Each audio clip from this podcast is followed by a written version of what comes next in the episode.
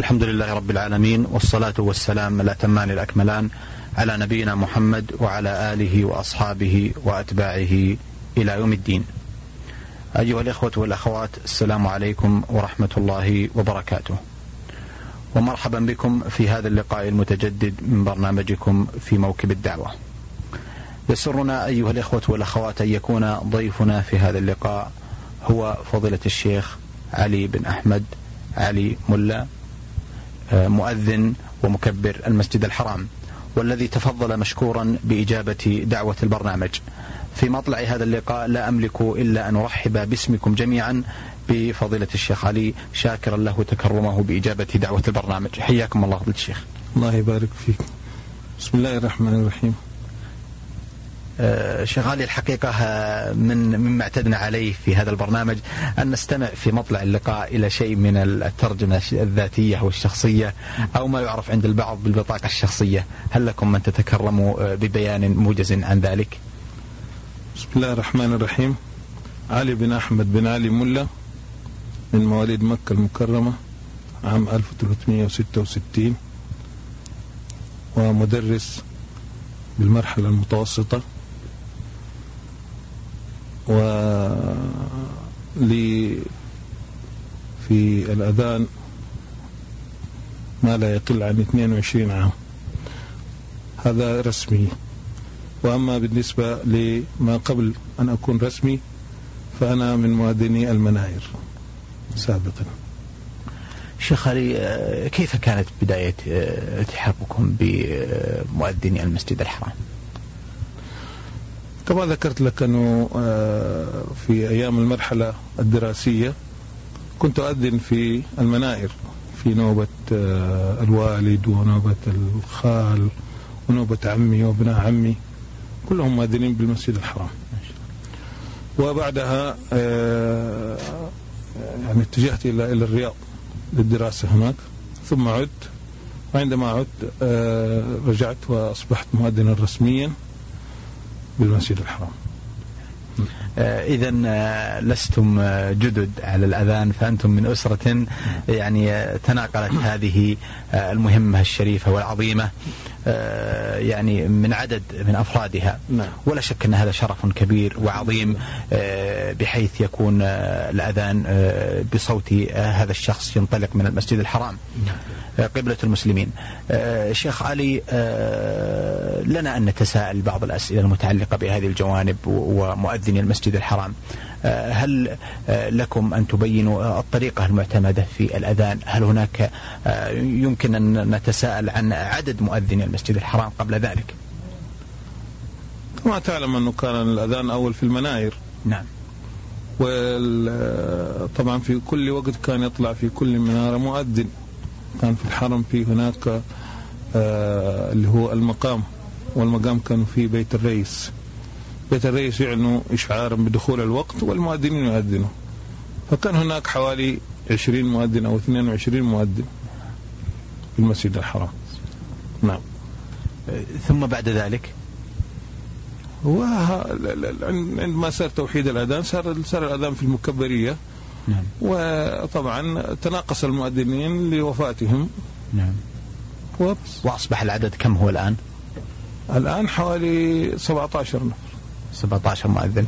هل هناك مرجعية للمؤذنين؟ آه، هناك مسؤول عن آه، مؤذن المسجد الحرام؟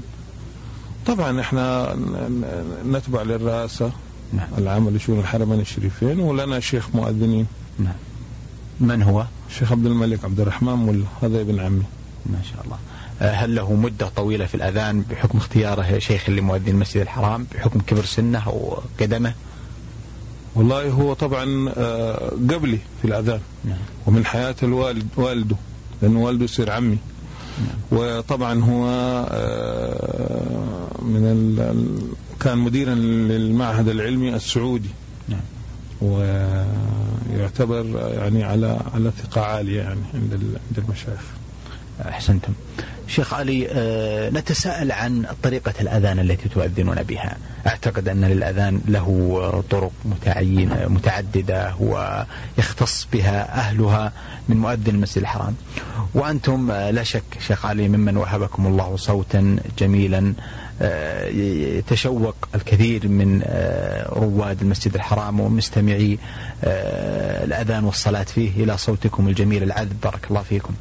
لكن يا شيخ علي هل هناك طرائق متعددة للأذان عندكم؟ ما في طرائق. يعني أهل المدينة لهم طريقة يأذنوا فيها. تسمى بالأذان المدني. نعم. وأهل الحجاز لهم طريقة وهي الأذان الحجاز يسمى. وأهل مصر لهم طريقة يطولوا في بعض المدات وسوريا وتركيا نفس الكلام. ولكن هو يعني يعني ما في هناك فرق فيما بين كلمات الأذان كما تعلم. لا شك لا شك. ولكن بس هو في الأداء. يا أول حاجة يرجع إلى الأداء ثاني حاجة يرجع إلى الصوت الموجود عند عند الشخص اللي بيأدي. يعني في قدرة تتميز عن الآخر في فيخرج الداب بهذا المخرج. لكن قد يتطلب هذا نفسا طويلا أحيانا طبعا. ومدا و طبعا يحتاج إلى إلى إلى نفس. إذا كان في يعني زي مثلا أهل مصر وأهل سوريا يعني عندهم نفس شوية أطول. فهم يطولوا في ال في ال في النبرات اللي هي إلهات بالنسبة الله أشهد أن محمد رسول الله وكثير من من الحاجات. ليه؟ لأنه في نفس. نعم. وهذه مزامير يعني. آه طيب نتساءل الشيخ علي عن طريقة مؤذن المسجد الحرام. هل هناك تناوب بينهم على على الأوقات كلها وجميعا؟ آه، أيضا آه، التكبير أو المكبرية هذه التي يقدمها مؤذن المسجد الحرام هل يلزم من ذلك أن من أذن هو الذي يكبر أو خلاف ذلك؟ هو طبعا بالنسبة للمؤذنين موزعين بموجب يعني جدول جدول معين و وكل مؤذن له أوقات معينة وناس يحضروا في الليل وناس يحضروا في النهار وناس في الأذان الأول وناس في يوم الجمعة نعم. هذا هو لكن آه، شيخ علي آه، نتساءل عن آه، أمر مهم آخر لا شك أن الأذان مسؤولية عظيمة وشريفة. وقد يوجد الآن من يستمع إلى هذا البرنامج وإلى حديثكم الطيب هذا من مؤذن المساجد الذين يتشرفون بهذه المهنة العظيمة التي ندب ومدح ومدحها النبي صلى الله عليه وسلم بقوله إن بأن المؤذن أطول الناس أعناقا يوم القيامة. شيخ علي أجد أنها فرصة ليستمع آه، لا سيما من الشباب وغيره ممن التحقوا بهذه المهمة الشريفة والعظيمة. من الشيخ علي الملا إلى إلى توجيه عن الأهمية التي يجب أن يوليها المؤذن لهذه المهمة الشريفة. أو المسا... وأيضا ممكن أن تتحدثوا عن الوسائل المعينة للقيام بهذه المسؤولية والالتزام بها والمواظبة عليها. الحقيقة أن الأذان يعني مهنة شريفة ومهنة والحمد لله يعني ورد فيها كثير من الأحاديث. نسأل الله سبحانه وتعالى أن يعطينا حسن الثواب. اللهم آمين. ويعني بالنسبة للإخوان المؤذنين بالمساجد يعني أرجو أن هم يعني يعني يكونوا على استماع بالنسبة لمؤذني المسجد الحرام. لأنه في بعضهم يطيل وفي بعضهم يعني يعني تصدر منه مثلا إطالة ممكن تغير في في في, في الأذان. فالأفضل أنه هو يسمع ويحاول أنه يقلد. وأنا يعني كثير عرضت علي بعض أشرطة لبعض المؤذنين في المساجد يسجل ثم يحاول أنه هو يتابع. وبهذا تحسن يعني.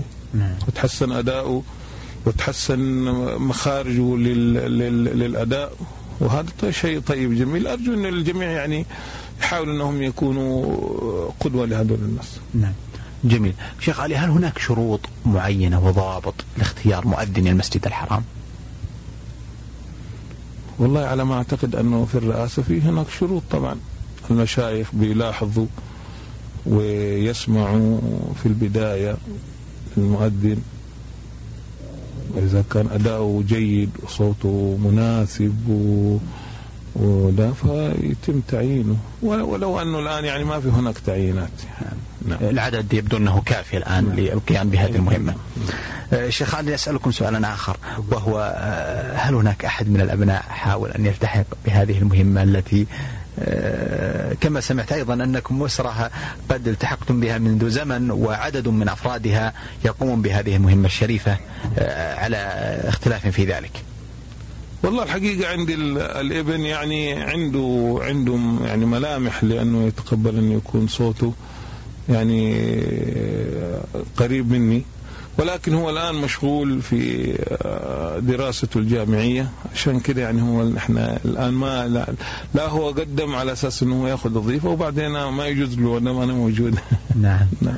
آه شيخ علي نتساءل أيضا عن أمر آخر ننتقل لجانب مهم وهو أن لكم مشاركات ولله الحمد آه في العديد من آه الأمور الدعوية التي قامت بها حكومة المملكة العربية السعودية ممثلة بخادم الحرمين الشريفين أيده الله ووفقه. آه، والذي آه، تبنى جزاه الله خيرا خير الجزاء. آه، العديد من مشاريع الخير وخصوصا فيما يتعلق بتشييد وعمارة وبناء عدد من المراكز والمساجد الإسلامية في أنحاء الأرض. وكنتم في عدد من المهمات التي قمتم برفع أول صوت في العديد من المساجد التي شيدت وأقيمت حديثا على نفقة آه، خادم الحرمين الشريفين حفظه الله. آه، كيف يكون انطباعكم يا شيخ علي مع تلك الجاليات المسلمة التي تستمع إلى صوت مؤذن المسجد الحرام وهو يرفع أول أذان من ذلك المسجد مع مشاركة أئمة آه، الحرم المكي الشريف وفقهم الله لكل خير؟ الحقيقة أولا أني أنا أسأل الله سبحانه وتعالى أن يطيل في عمر جلالة الملك خادم الحرمين الشريفين الملك فهد وأن يثيب ابنه الأمير عبد العزيز نعم. لأنه هو الحقيقة هو السبب في كون إني أنا آه، أشارك في هذه الافتتاحات نعم. وشرفني هذا نعم. الشيء أنه يعني مؤذن من مؤذني المسجد الحرام يرتفع صوته أولا في فنزويلا أول مسجد نعم. أنا شاركت فيه نعم. وبعدها في اللي هو أمريكا نعم. وهذا شرف عظيم الحقيقة ويعني أنا شعوري يعني جدا شعور شعور شعور يعني ما, ما يوصف نعم. لأنه أنا أؤذن هناك والمسلمين وغير المسلمين يشاهد مؤذن المسجد الحرام نعم. وهذا شرف عظيم الحمد لله. آه شيخ علي أيضا قد آه، أستطرد في هذا السؤال وأقول هل هناك مواقف معينة حصلت مع بعض من يستمعون إلى أذانكم في تلك البلاد؟ والله كما تعلم أنه يعني يعني إنسان كمؤذن أو إمام المسجد للمسجد الحرام تصور أنت هناك إيش يصير فيه. يعني. من يعني الإخوان الناس اللي هم اعتنقوا الإسلام من الناس المحبين من الناس اللي اللي لأول مرة يشوف إنه هذا مؤذن المسجد الحرام. فيعني تحدث بعض بعض بعض يعني الطرائف ولكن الواحد ما يعتبرها طرائف لكن يقول إنها يعني هذا حب من هؤلاء الناس. لا شك. نعم. آه شيخ علي أيضا آه لا شك أن الاهتمام بجانب آه الأذان خصوصا في المسجد الحرام وغيره.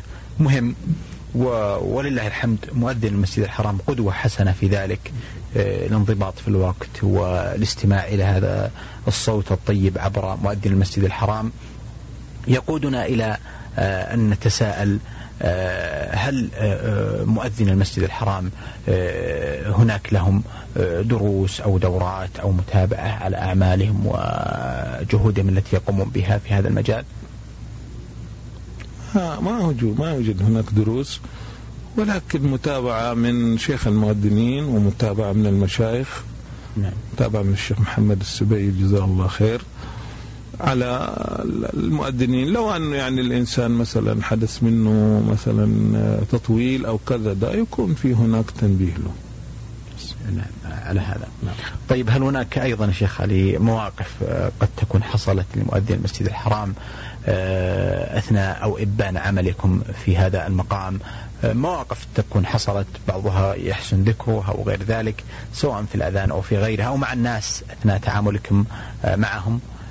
يمكن أن تكون مناسبة لذكرها وأن يستمع الإخوة إليها.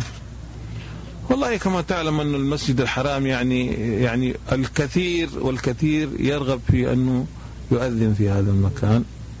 فتحصل يعني أشياء طريفة من بعض الإخوان من بعض الحجاج أنه يرغب أنه يؤذن. فيتسابق على أنه هو يهيئ لك الطريق وكذا ويحب أنه يطلع عشان يقول لك والله أنا أبغى أؤذن أو مثلا يعني في أشياء كثير يعني يعني تصير من من, الإخوان خصوصا خصوصا بالنسبة للناس اللي هم يجوا من برا يعني الحجاج والناس اللي يعني بعيدين عن المسجد الحرام. الذين يرغبون في الأذان. نعم. شيخ علي آه ننتقل إلى جانب مهم متعلق بعملكم وهو المكبرية. نعم. آه ممكن نعطي الإخوة من المستمعين والمستمعات نبذة عن ماهيتها وعملها. حقيقة المكبرية مكان حساس يجمع ال يجمع ال اللي هي طبعا في المكبرية موجود اللي هو جزء لنقل الصلاة والأذان على الهواء عن طريق الراديو. وعن طريق اللي هو التلفاز. وتوجد هناك اللي هي أماكن لمتابعة المؤذن صوتيا وبالصورة. آه هذا هو المكان المخصوص يعني للعمل لأنه لأنه المكان المؤذن يحتاج إلى طبعا إلى هدوء وإلى صمت خصوصا لأنه بينقل على العام يعني نعم. زي ما أنتم عارفين. فهذا المكان المكبرية هي لهذا الغرض. نعم. لكن شيخ علي آه التكبير خلف الإمام. آه له آثار طيبة لا شك نعم. حيث أن بعض المصلين وخصوصا في المواسم وبعض الأوقات التي يكثر فيها الزحام وتتعالى فيها الأصوات قد لا يتيسر البعض سماع آه صوت الإمام بالذات. ويأتي صوت المكبر ليوضح الصوت ويسمع من فاتهم صوت الإمام ليلحقوا بالصلاة ويتابعوها. أهمية هذا الأمر. هل ترون له أهمية كبرى تلمسونها من خلال مواقف معينة صارت لكم كمؤذنين؟ بالنسبة للمسجد الحرام المكبر له أهمية كبرى في التبليغ وراء الإمام. لأنه كما تعلم أن الحرم عبارة عن مجموعة من الأجهزة. فقد يتعطل جزء واحد يكون يختص بجزء من الحرم. نعم. فإذا انقطع الصوت بالنسبة للإمام يكون المبلغ عندما يعني يبلغ يكون في هناك سماع. لأنه يعني يصير هذا ويصير انقطاع في جهات معينة من الحرم. طبعا هذه كهرباء وصارف أنه يصير في هناك انقطاع. فال فال فالمبلغ يعني له دور بالنسبة للإمام. لكن ألم يقع مثل هذا الأمر لنفس المبلغ مع الإمام؟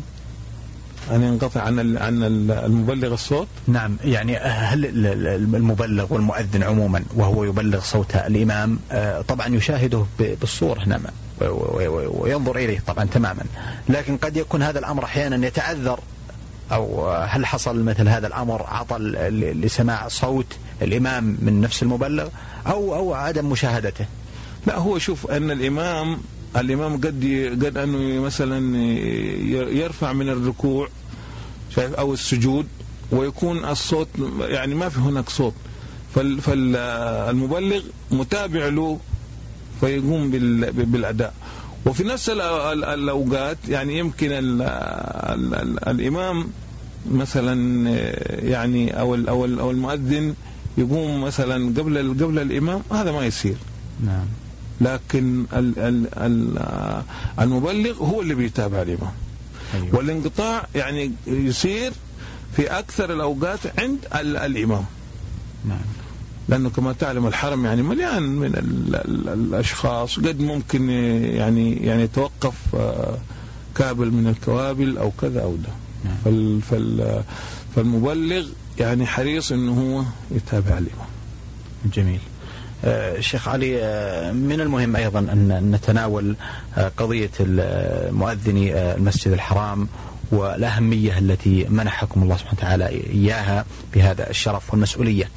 لكن آه، شيخ علي آه، الملاحظ منكم وخصوصا الشيخ علي الملا أن هناك أحيانا يختلف أذانكم بين وقت وآخر. مثلا في صلاة الفجر عن صلاة المغرب عن صلاة الجمعة. هل هناك تميز في هذه الأذان يعني الأذان الذي تقومون بأدائه؟ والله الحقيقة كما تعلم أن الإنسان إذا كان مرتاح نفسيا الأداء بيكون يعني في في جودة نعم. وإذا كان تعبان يعني لأنه لأنه أما نحن معرضين هنا لعملية الزكام لعملية الروائح آه، بالنسبة للعطور الذي يستعملها الأخوان وهذه كلها تؤثر على المؤذن وتؤثر على الصوت نعم. فهذا اللي بيجعل إنه المؤذن إذا كان مرتاح آه، يؤدي اللي هو الأذان. وأنا زي ما قلت لك في السابق أنه بالنسبة للأذان يعني قد ممكن أنه ممكن أنا أحس أنك أنت تبغى تسمع أنه هناك في أذان مدني نعم. وفي هناك أذان حجاز. نعم. فالأذان المدني يخص أهل المدينة وهذا الأذان يعني له يعني طبقة معينة وله أداء معين. لكن هل سبق أن قمتم بأداء هذا وذاك شيخ؟ نعم نعم نعم. في خصوصا في خصوصا في الافتتاحات كمان يعني. بالنسبة للأذان المدني يعني فيه نوع من يعني آه، من الراحة لكل الإنسان يسمعه. ولو ولو أنه يعني الإنسان بيسمع الاذان بيسمع كلمات. الله أكبر الله أكبر. نعم. ولكن يعني مثل الحديث. لكن هل ترى أنت أن, أدائك للأذان المدني أكثر من الأذان الحجازي كما يقولون؟ لا بالعكس نحن كنا نستخدم الأذان المدني في أوقات معينة. يعني مثلا زي العشاء زي الفجر. لأن الإنسان يحس بصوت وداء ممكن أنه هو نعم. ينتذب به. نعم. وأما في المغرب فبيكون سريع الأذان وفي باقي الأوقات ما بيكون فيه وهو الأذان الحجازي. إيه نعم. إيه، أحسنتم. ثابكم الله شيخ علي. الحقيقة آه، بودنا أن نأخذ جوانب أخرى من آه، هذا الأمر المهم والمتعلق بأذان آه، المسجد الحرام والذي تكرم فضيلة الشيخ علي بن أحمد علي الملا ببيان موجز عن هذه الأمور المتعلقة فيه. آه، في ختام هذا اللقاء لا أملك إلا أن أكرر آه، جزيل شكري وتقديري للشيخ علي ملا على إتاحة هذه الفرصة لهذا الحديث. هل لكم من كلمة أخيرة شيخ علي؟ حقيقة شكرا لكم على هذا اللقاء. وفي الختام أسأل الله سبحانه وتعالى أن يجزيكم عني آه، جزيل الثواب. وشكرا. جزاكم الله خيرا. الحمد لله لإذاعة القرآن الكريم آه، إذاعة لها نصيب وافر من آه، المسجد الحرام ولله الحمد. بنقل آه، صلاة المغرب دائما وصلاة الفجر حيا على الهواء بأذان بالأذان والصلاة. وهذا لا شك من أقل ما تقدمه الإذاعات عموما وإذاعة المملكة العربية السعودية عموما مخصصة بإذاعة القرآن الكريم. نأمل بإذن الله تعالى أن نلقاكم آه، فضيلة الشيخ علي آه، في مناسبات أخرى بإذن الله تعالى وأنتم بخير وصحة وعافية وأكرر لكم شكري وتقديري ونلقاكم بإذن الله تعالى على خير. أيها الأخوة والأخوات كنا وإياكم طوال تلكم الدقائق الماضية مع فضيلة الشيخ علي بن أحمد علي ملا مؤذن ومكبر المسجد الحرام والذي تفضل مشكورا بإجابة دعوة البرنامج. نلقاكم بإذن الله تعالى على خير في مثل هذا اليوم من الأسبوع القادم. والسلام عليكم ورحمة الله وبركاته. في موكب الدعوة إعداد وتقديم محمد بن عبد الله المشوح.